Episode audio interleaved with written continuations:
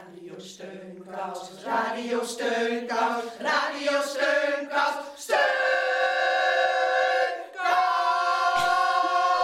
Hij is er afkomen. Dat is toch Heel hartelijk welkom bij Radio Steunkous. Ja, Sorry. hartelijk welkom bij Radio Steunkous. Vandaag niet vanuit onze geheime locatie in Amsterdam, maar...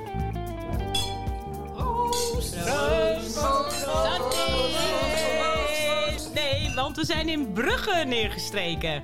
En we zitten aan tafel bij Marleen samen met Luut en Nancy. En we hebben heerlijk gegeten.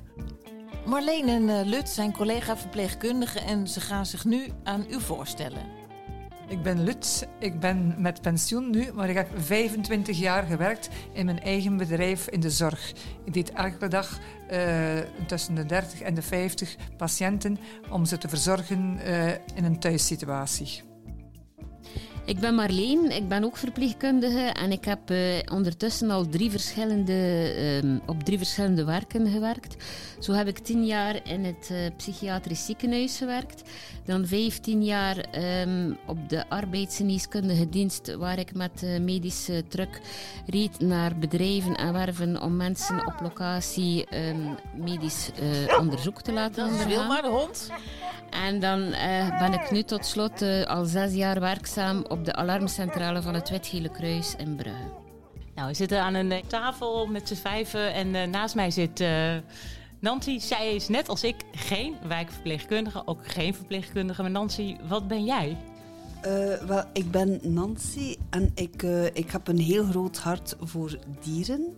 Iedere zondag ga ik gaan wandelen met de hond van de buren, Tony. En eh, ja, ik doe dat heel graag. Ja, en we hebben elkaar allemaal leren kennen tijdens een hele leuke fietsreis door de Baltische Staten afgelopen zomer. Dus we beginnen eerst even met een gezellige fietsplaat.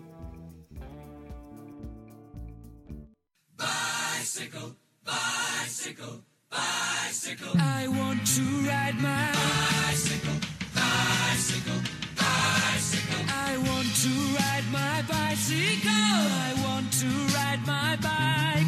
I want to ride my bicycle. I want to ride it where I like. You say black, I say white. You say bar, I say bite. You say shark, I say him. And Jaws was never my scene, and I don't like Star Wars. You say Rose, I say Royce. You say God, give me a choice. You Say Lord, I say Christ. I don't believe in Peter Pan, Frankenstein, or Superman.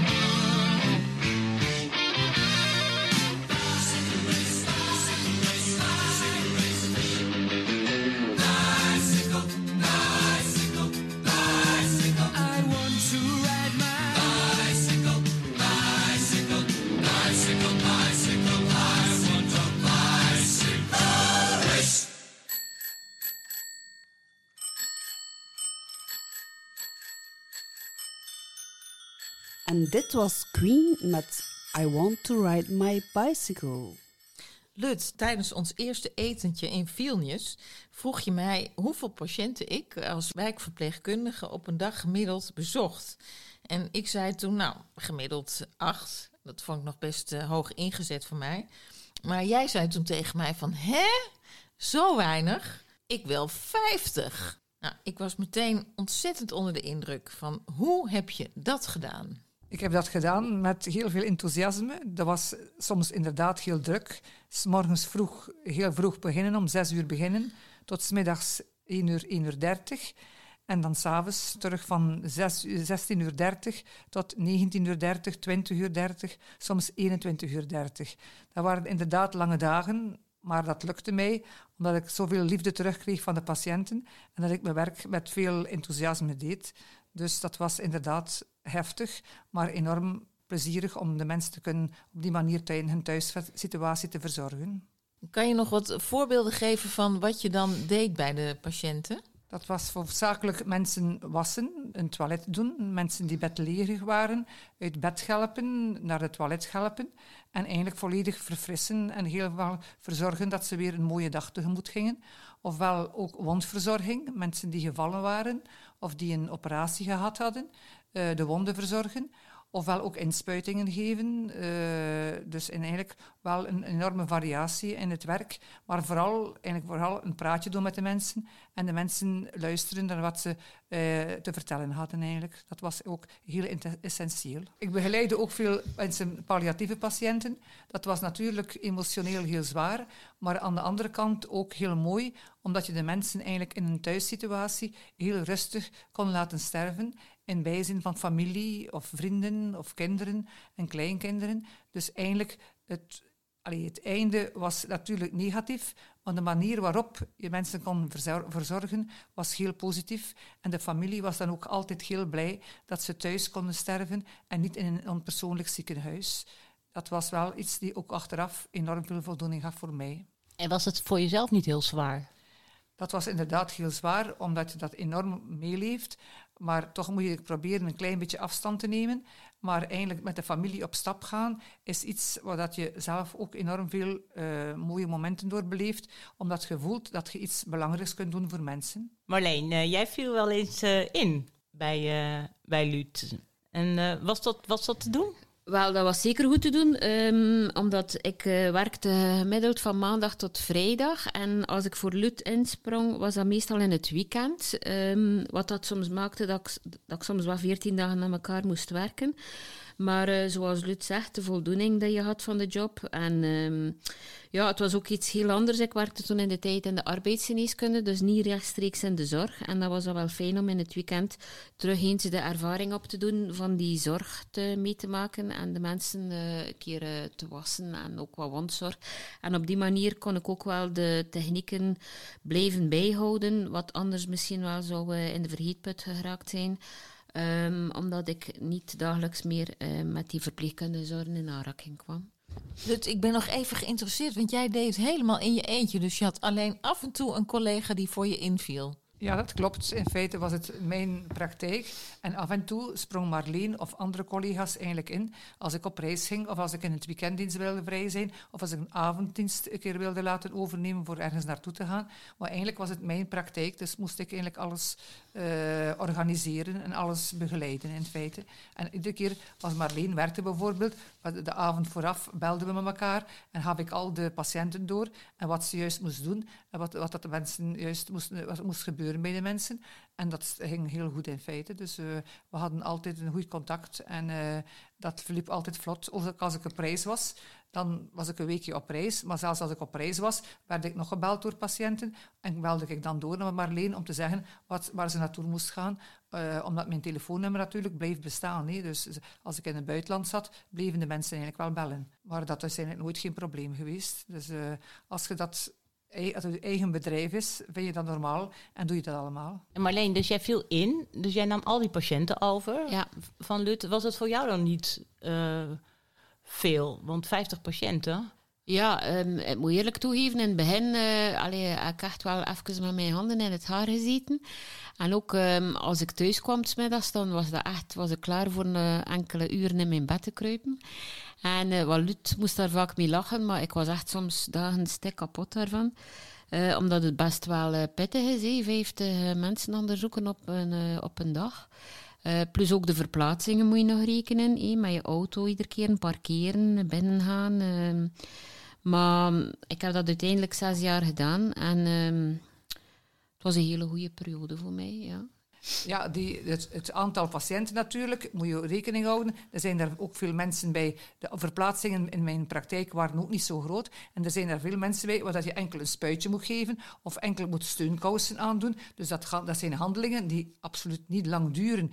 En de andere patiënten waar je veel langer werk aan hebt, dat verdeel je dan. Maar je doet natuurlijk ook heel veel uren. Ik werkte meer dan 12 uur per dag.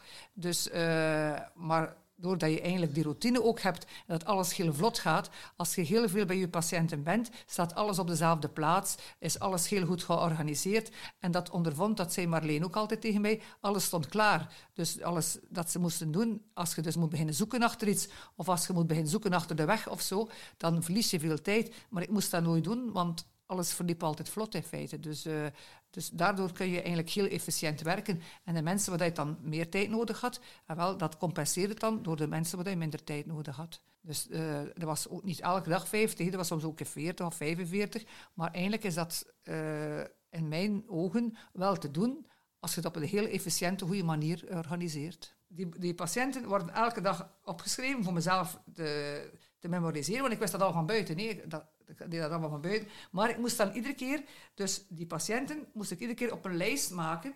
En dan moest ik allemaal aanduiden wat ik gedaan op die lijst. Dus mijn dochter deed de facturatie. Ik moest dus een lijst maken met al mijn patiënten. En elke keer dat ik een patiënt gedaan heb, dus uh, zette ik een kruisje van waar heb ik geweest. En ik organiseerde dat. Maar die lijst, op een bepaald moment zit die zodanig in je hoofd. Maar ik moest alles dan ook administratief in orde brengen. Want ik moest factureren voor de ziekenbonden.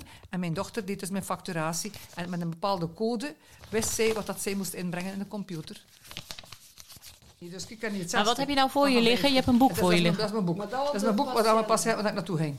Uh, 14, 14, uh, donderdag 14 uh, oktober.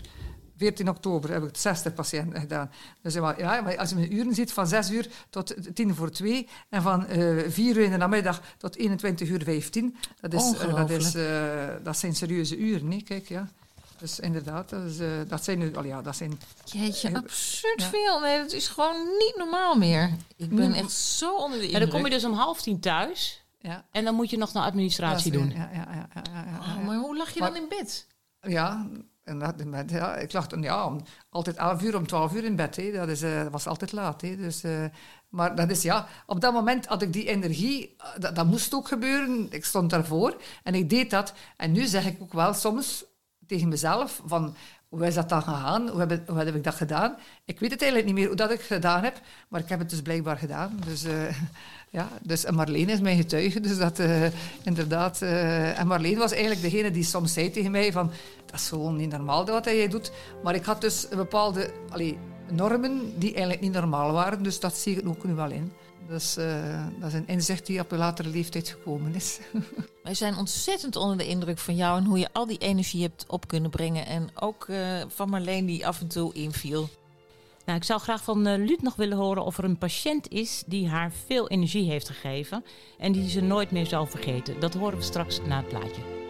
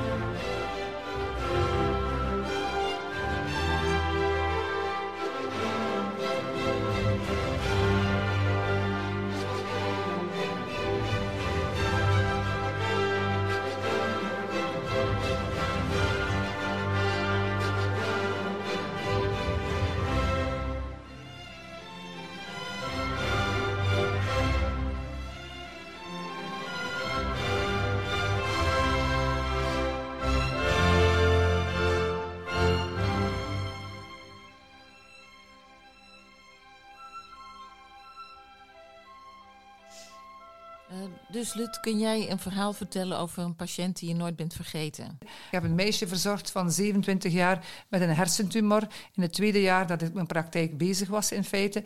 En dat heeft een enorme indruk gemaakt op mij, omdat dat zoiets was van, ja, ik kon dat eigenlijk heel moeilijk aanvaarden zelf ook, dat ik dat moest doen.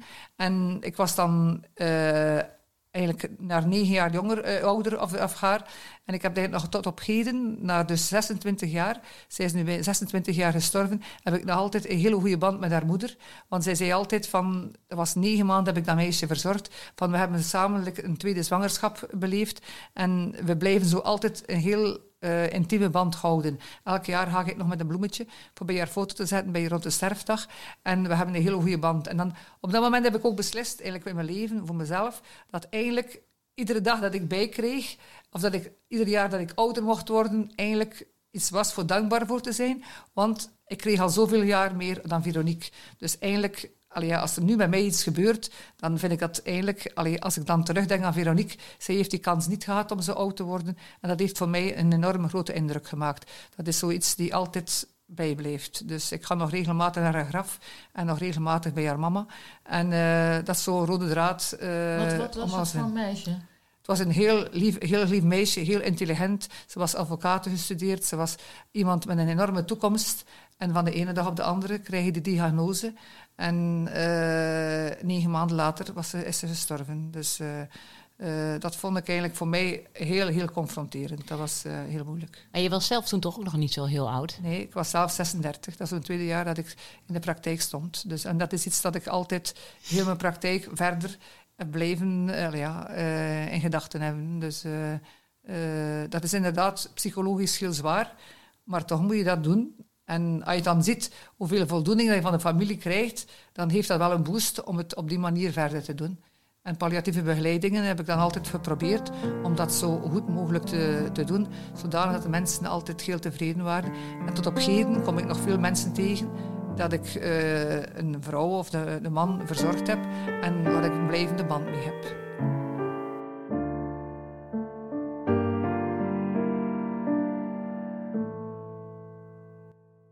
Ik denk niet aan wat nog komen zou, hoe mooi het had kunnen zijn. Ik onthoud liever al ben ik in de rouw, wat prachtig was en fijn. Ik vraag me niet af waarom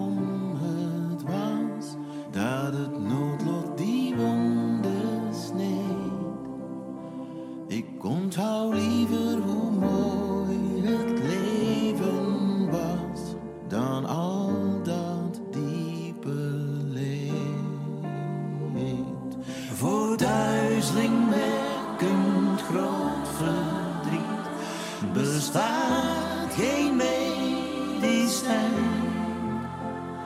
Want we weten maar, beseffen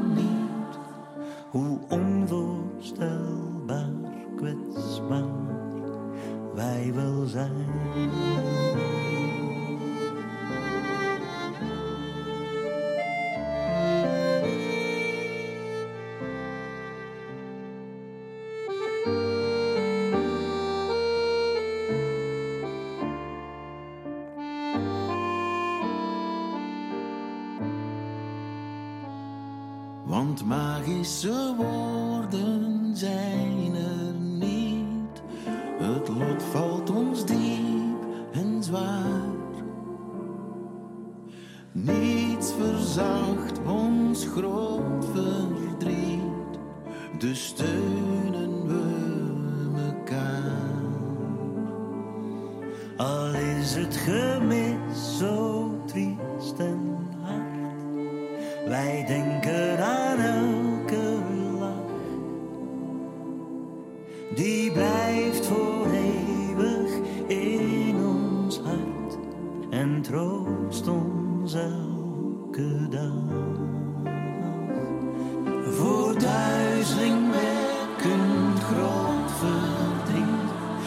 Bestaat geen medicijn.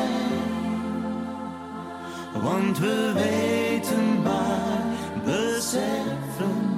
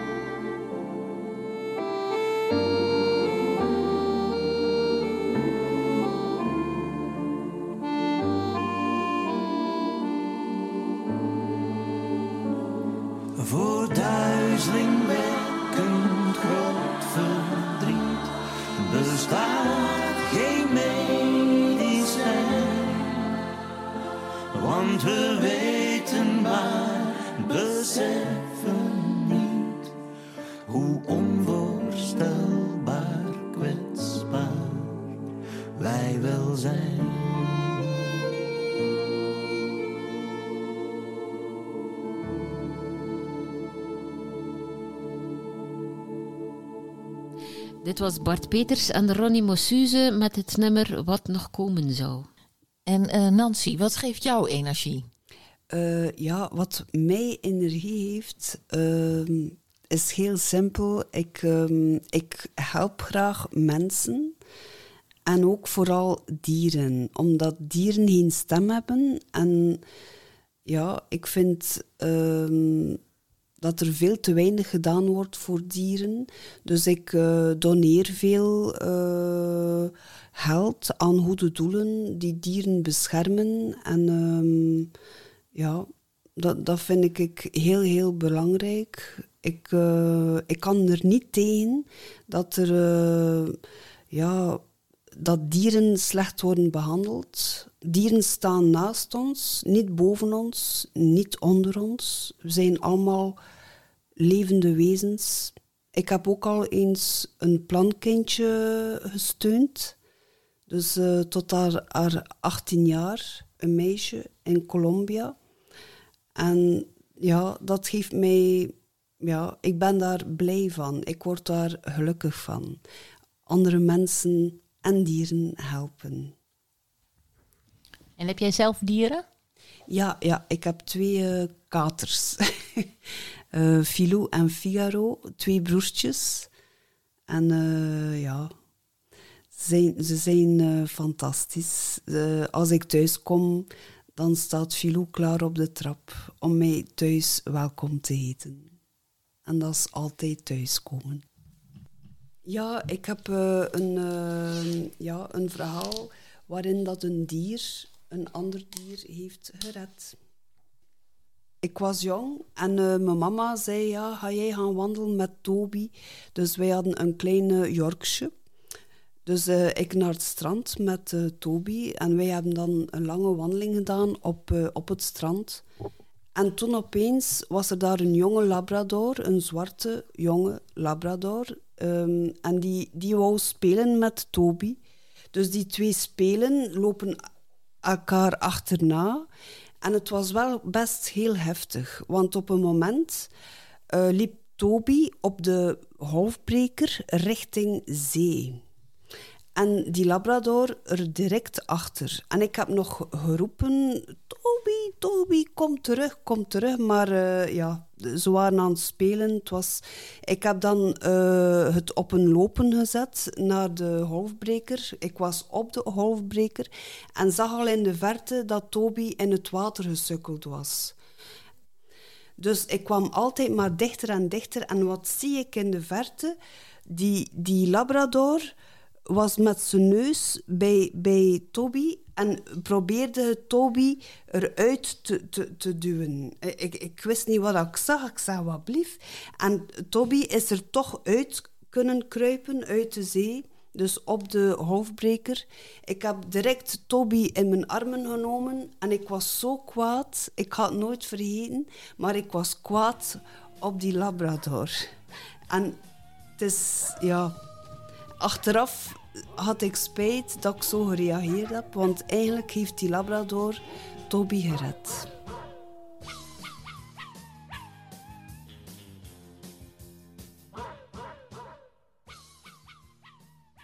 Marleen, jij werkt nog steeds. En kan jij je een patiënt herinneren die jou echt een kippenvelmoment heeft bezorgd? Wat ik direct moet aan denken is, uh, het was op een gure winteravond en um, ik kreeg een oproep binnen in de zorgcentrale. Dus iemand had op zijn alarmknop geduwd. En dat was een patiënt die regelmatig um, viel. Dus ik ging er al een beetje vanuit dat dat terug zo'n situatie was. Maar ik hoorde een opvallende, een, hele jonge man zeggen van... Nee, maar het is niks hoor, wij hebben per ongeluk uh, geduwd op dat alarm. En allee, ik vond ik had daar zo'n raar gevoel bij. Ja, die mens woont alleen. Hey, jong gast die dat antwoordt. En um, ik ben dan toch, heb een keer, keer gebeld naar die dochter. Ik zei, zou dat kunnen dat er daar iemand op bezoek is bij je papa? Hey? En dat ze, nee, nee, nee, want wij, wij hebben geen jonge mensen in de familie. En. Dan is die dochter gaan, gaan, uh, gaan kijken en wat bleek. Dus die man werd overvallen thuis en had op zijn uh, alarm geduwd. En die overvaller heeft dat gehoord, dat ik dus vroeg wat dat, want wij vragen altijd wat dat er aan de hand is. En die had de reflex van te zeggen, ja, maar het is per ongeluk. Dus ja, voor hetzelfde geld had ik gewoon die oproep uh, geannuleerd. En uiteindelijk is die man uh, nog mishandeld geweest. Hij is dan opgenomen ook in het ziekenhuis. Maar nadien um, is dat terug goed gekomen. En dan is hij ook tot bij ons op het kantoor gekomen met een grote boekje bloemen. Dus dat was wel een fijn moment eigenlijk voor ons.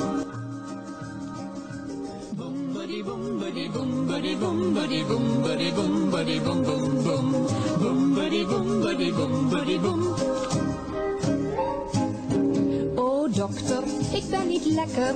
Oeh, gratjes, nog aan toe.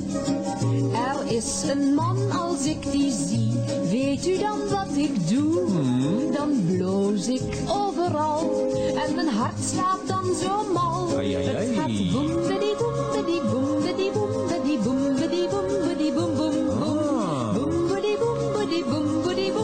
gratjes, nog aan toe.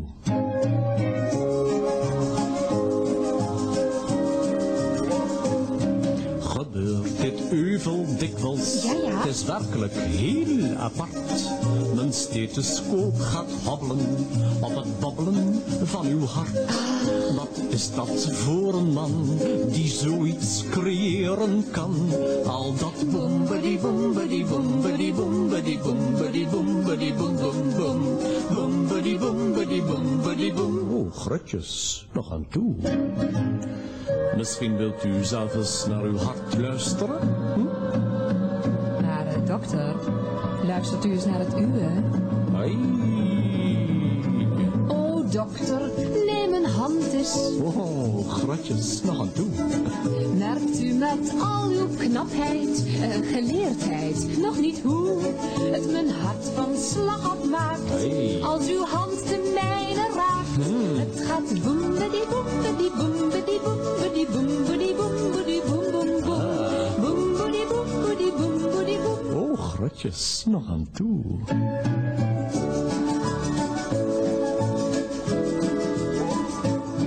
Kijk mij eens in mijn ogen en blijf zo even staan. De man die mij van slag afbrengt, die zelf kijkt mij nu aan. Oh, nou heb ik het ook. Wij zijn samen van de kook. Wij gaan boem bedi boem bedi boem bedi boem bedi boem bedi boem bedi boem boem boem boem bedi boem bedi boem bedi boem Oh, gratjes, nog aan toe. boem bedi boem bedi boem bedi boem bedi Allee, Nancy, wat is er nu? Ben je aan het verslijten? Wacht. Ja. Ja, tijdens dit plaatje is het hier even flink spannend geweest. Want Nancy heeft een graatje in de keel gekregen. Maar gelukkig was Marleen alert en heeft met een huimreekgreep gezorgd dat het graatje er weer uit kwam. Gaat Marleen? Heen, neem anders wat een beetje water. Oh jeetje, nou, het was echt even schrikken gedaan. Oh, Ja, oh, nou gelukkig zitten hier drie verpleegkundigen aan tafel. En eh, je bent eh, weer helemaal eh, vrij van lucht. Heb jij wel eens het leven gered van een mens of een dier? Eigenlijk wel. Eh, ik red ehm, ja, bijna ja, elke zomer eh, tal van kleine dieren. En dat zijn meestal eh, kleine vliegjes die in mijn glas terechtkomen. En ik heb altijd lange nagels. En dan, dan vis ik ze dan gewoon uit met mijn nagel. En ik laat ze terugvliegen. Ook vliegen in mijn huis. Dus ik, ik lok ze naar de badkamer, dat is echt waar. Eh, ik doe de deur dicht, dan doe ik het raam open en dan kunnen ze terug naar buiten vliegen. Fly me to the moon and let me play among the stars. Let me see what spring is like on Jupiter and Mars. In other words,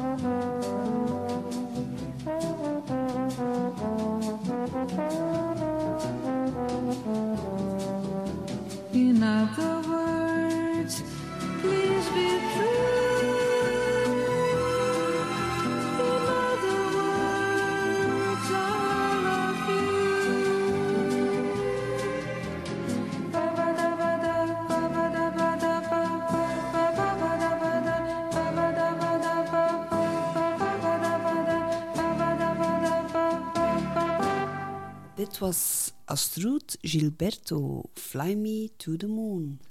Marleen, heb jij wel eens iemand verpleegd met eh, de ziekte van Alzheimer? Heb je dat proces van wel eens van dichtbij meegemaakt? Ja hoor, de, die vraag komt wel heel dichtbij, want eh, mijn mama is, ehm, is eh, gestorven aan eh, Alzheimer.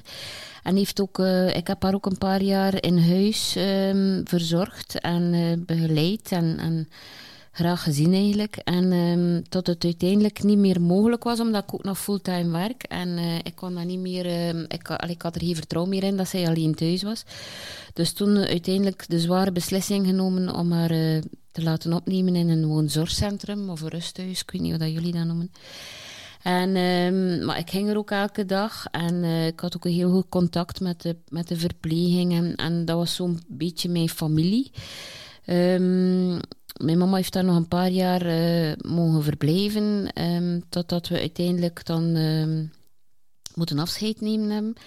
En, eh, maar ik heb nog altijd contact met die, met die verpleegkundigen van die afdeling. En eh, mijn vader is nog altijd in dat rustoord. Dus ehm, ja, het is iets die heel dichtbij komt en die je eigenlijk niet wil meemaken. Maar als je ervoor staat, dan moet je erdoor. En dan heb je weinig keus, denk ik.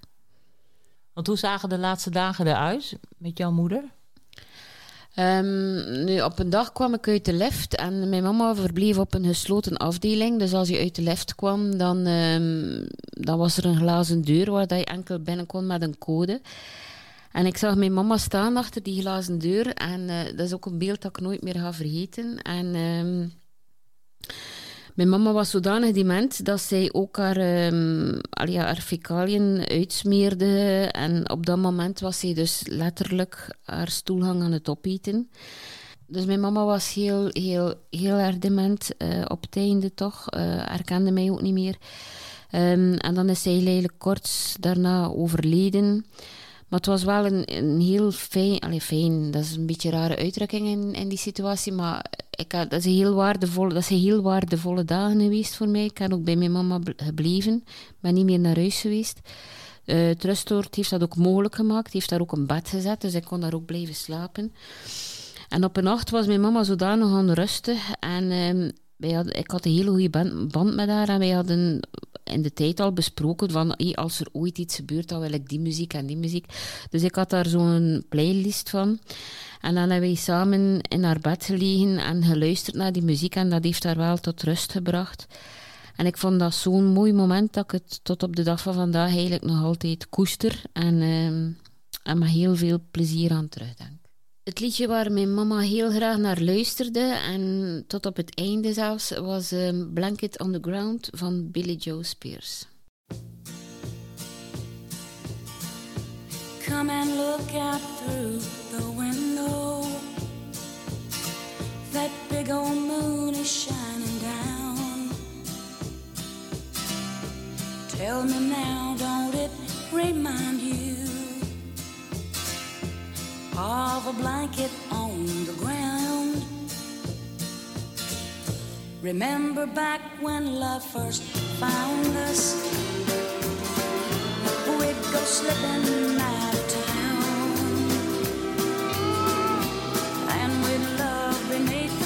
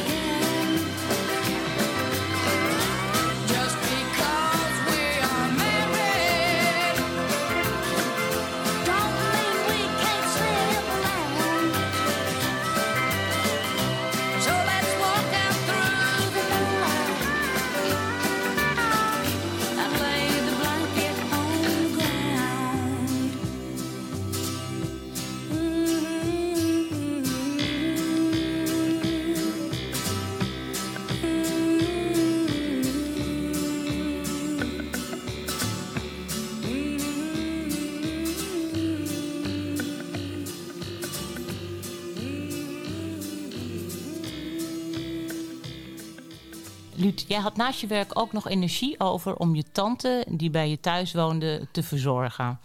We gaan nu luisteren naar een reportage die we eerder maakten bij je thuis en waarin je uitlegt hoe die zorg voor je tante is ontstaan.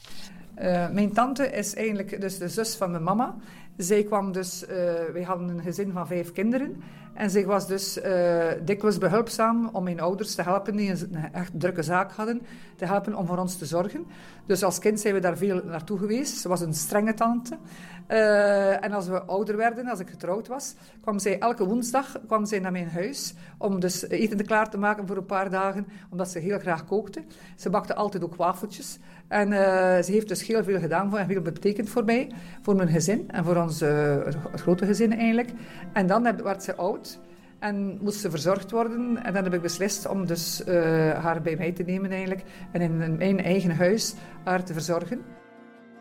We zijn naar een fotootje van haar aan het kijken. Ja, Ja, ja. staat hier op het dressoir tussen, tussen je de rest van de familie. Ja, ja, ja. Ze was dus echt een deel van de familie. Die foto is genomen, denk ik, eh, nog in haar appartement. Dat is wel nu al, allee, ze is nu al drie jaar gestorven ook.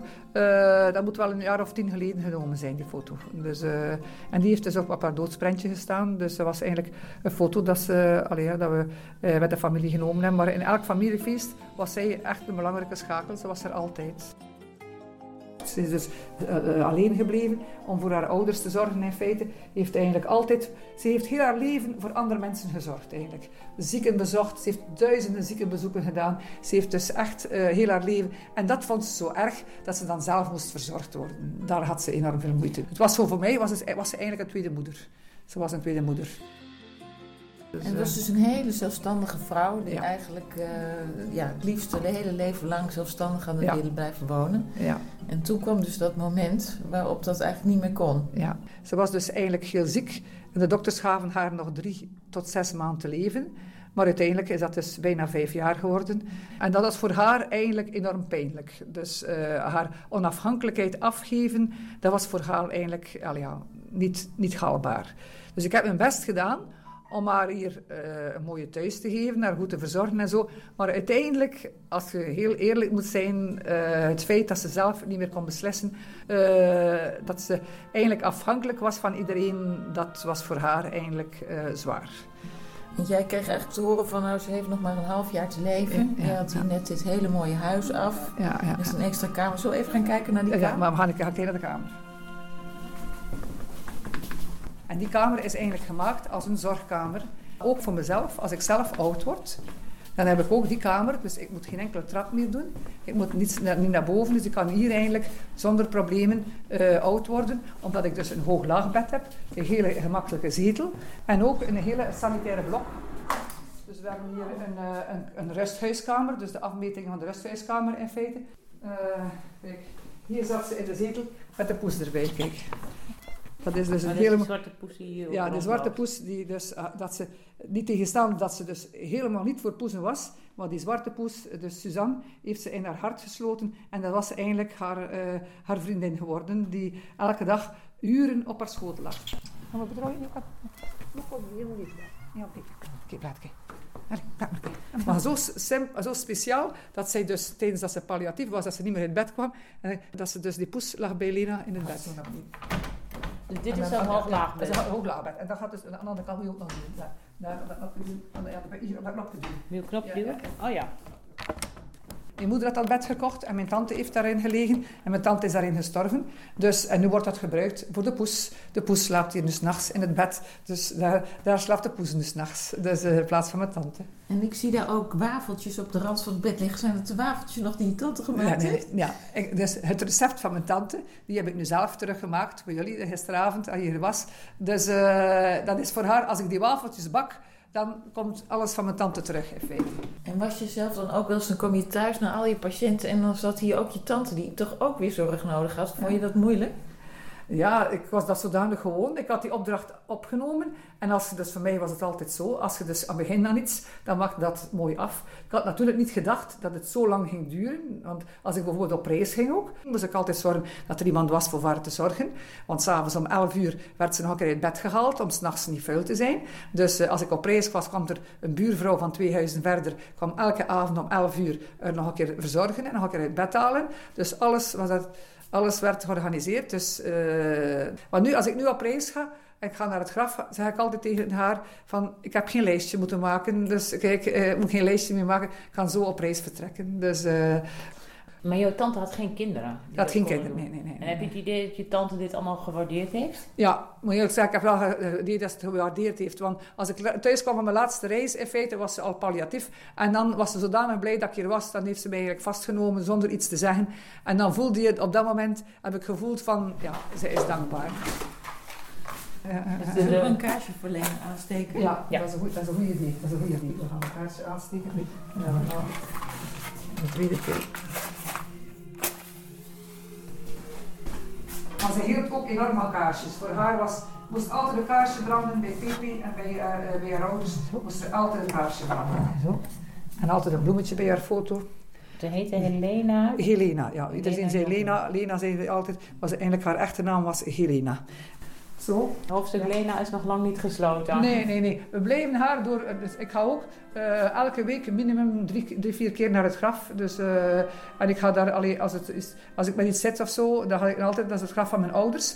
En die hebben daar een plaats gereserveerd voor mijn tante. Dus mijn vader ligt erin, mijn moeder ligt erin en mijn tante ligt bij hen. En, eh, en als ik zo met iets zit of als er iets is, ik ga met een bloemetje of ik ga een babbeltje gaan doen. En eh, ik vertel daar een beetje en ik praat daar een beetje en ik ben terug weg. En voor mij is dat zo een, een goede manier om ja, toch nog bij hen te zijn. Dus, Je hebt zoveel gezorgd. En nu hoef je helemaal niet meer te zorgen. Is, is dat niet lastig? dus ja, mis het wel voor een stuk. Dat is inderdaad wel waar. Dus je mag voor jezelf zorgen. en dan moet, dan moet ik leren voor mezelf zorgen. En dat is wel een eh, serieuze opdracht. Dus eh, dat lukt niet zo altijd even goed.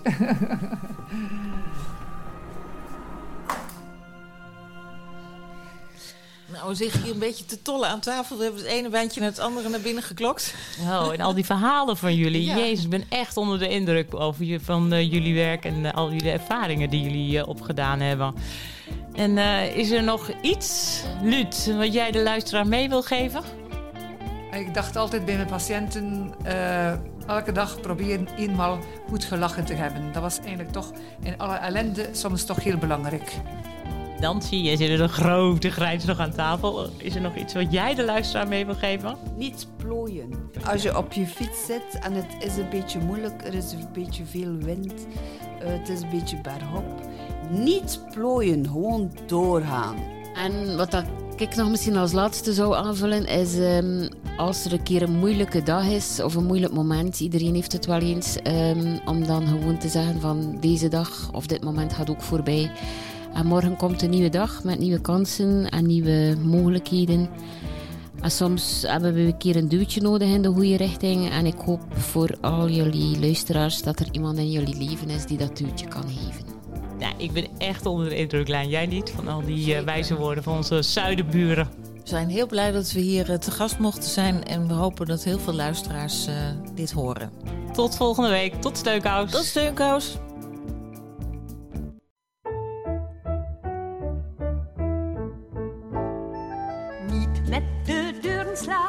Aan iedereen een goede dag en hopelijk dat iedereen in naar Brugge kan komen. Nee, zuster, denk aan de buren. Ja, zuster, nee, zuster. En ook voor mij, voor alle steunkousers, wat trouwens een hele originele naam is, vind ik, ehm, wens ik al het beste toe. willen, zonder te schreeuwen en zonder te gillen. Ja, het allerbeste en altijd welkom in Brugge. Dan is het altijd goed. Ja, zuster, nee, zuster, ja, zuster, nee, zuster, ja, zuster, nee, zuster.